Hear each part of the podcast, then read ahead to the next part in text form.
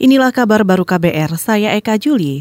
Tim kampanye nasional TKN Joko Widodo Ma'ruf Amin mengatakan pasangan yang mereka usung komitmen terhadap membangun kesetaraan gender dan pemberdayaan perempuan melalui pendidikan.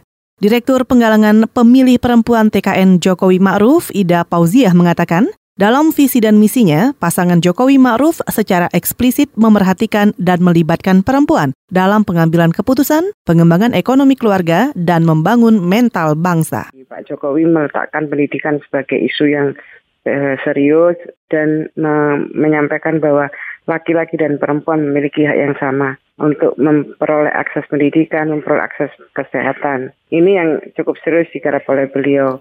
Direktur Penggalangan Pemilih Perempuan Tim Kampanye Nasional Joko Widodo Ma'ruf Amin Ida Pauzia juga menilai isu perempuan menjadi isu yang paling dekat dengan isu pendidikan dan kesehatan. Itu salah satunya terlihat dari partisipasi pendidikan yang lebih didominasi oleh perempuan.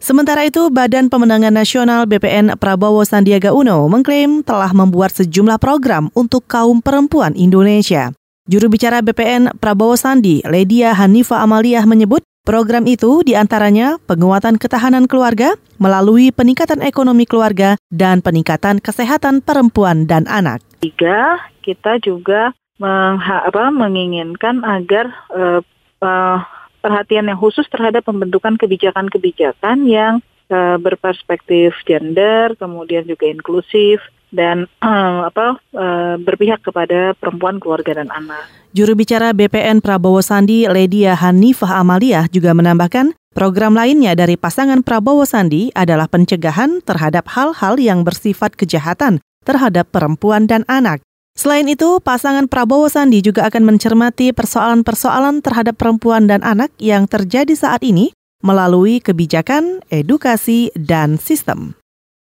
Kita ke Kalimantan Timur. Badan Pengawas Pemilu atau Bawaslu Kalimantan Timur akan patroli 24 jam, terutama ketika memasuki masa tenang pemilu 2019. Itu dilakukan untuk mencegah terjadinya politik uang yang pernah terjadi pada pemilu 2014 lalu. Komisioner Bawaslu Kalimantan Timur Muhammad Ramli menyebut Patroli itu untuk menekan dan mempersempit ruang-ruang bagi peserta pemilu yang akan melakukan politik uang. Kita tidak bisa mungkir pengalaman masa lalu, misalnya 2014, sampai itu kan bahwa intensitas politik uang itu kan masih tinggi. Nah, kita berusaha sekarang itu menekan semaksimal mungkin. Makanya kita masa tenang itu ada namanya patroli.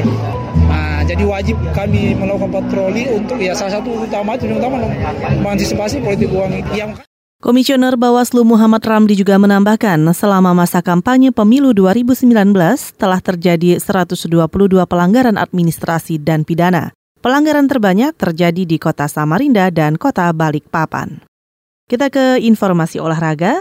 Laga final Piala Presiden 2019 antara Persebaya Surabaya melawan Arema FC akan dilangsungkan pada 9 April dan 12 April 2019. Laga pertama 9 April akan dilangsungkan di kandang Persebaya Surabaya. Sementara pertandingan kedua di markas Arema FC. Ini sesuai dengan undian yang sudah dilakukan panitia pelaksana akhir pekan lalu.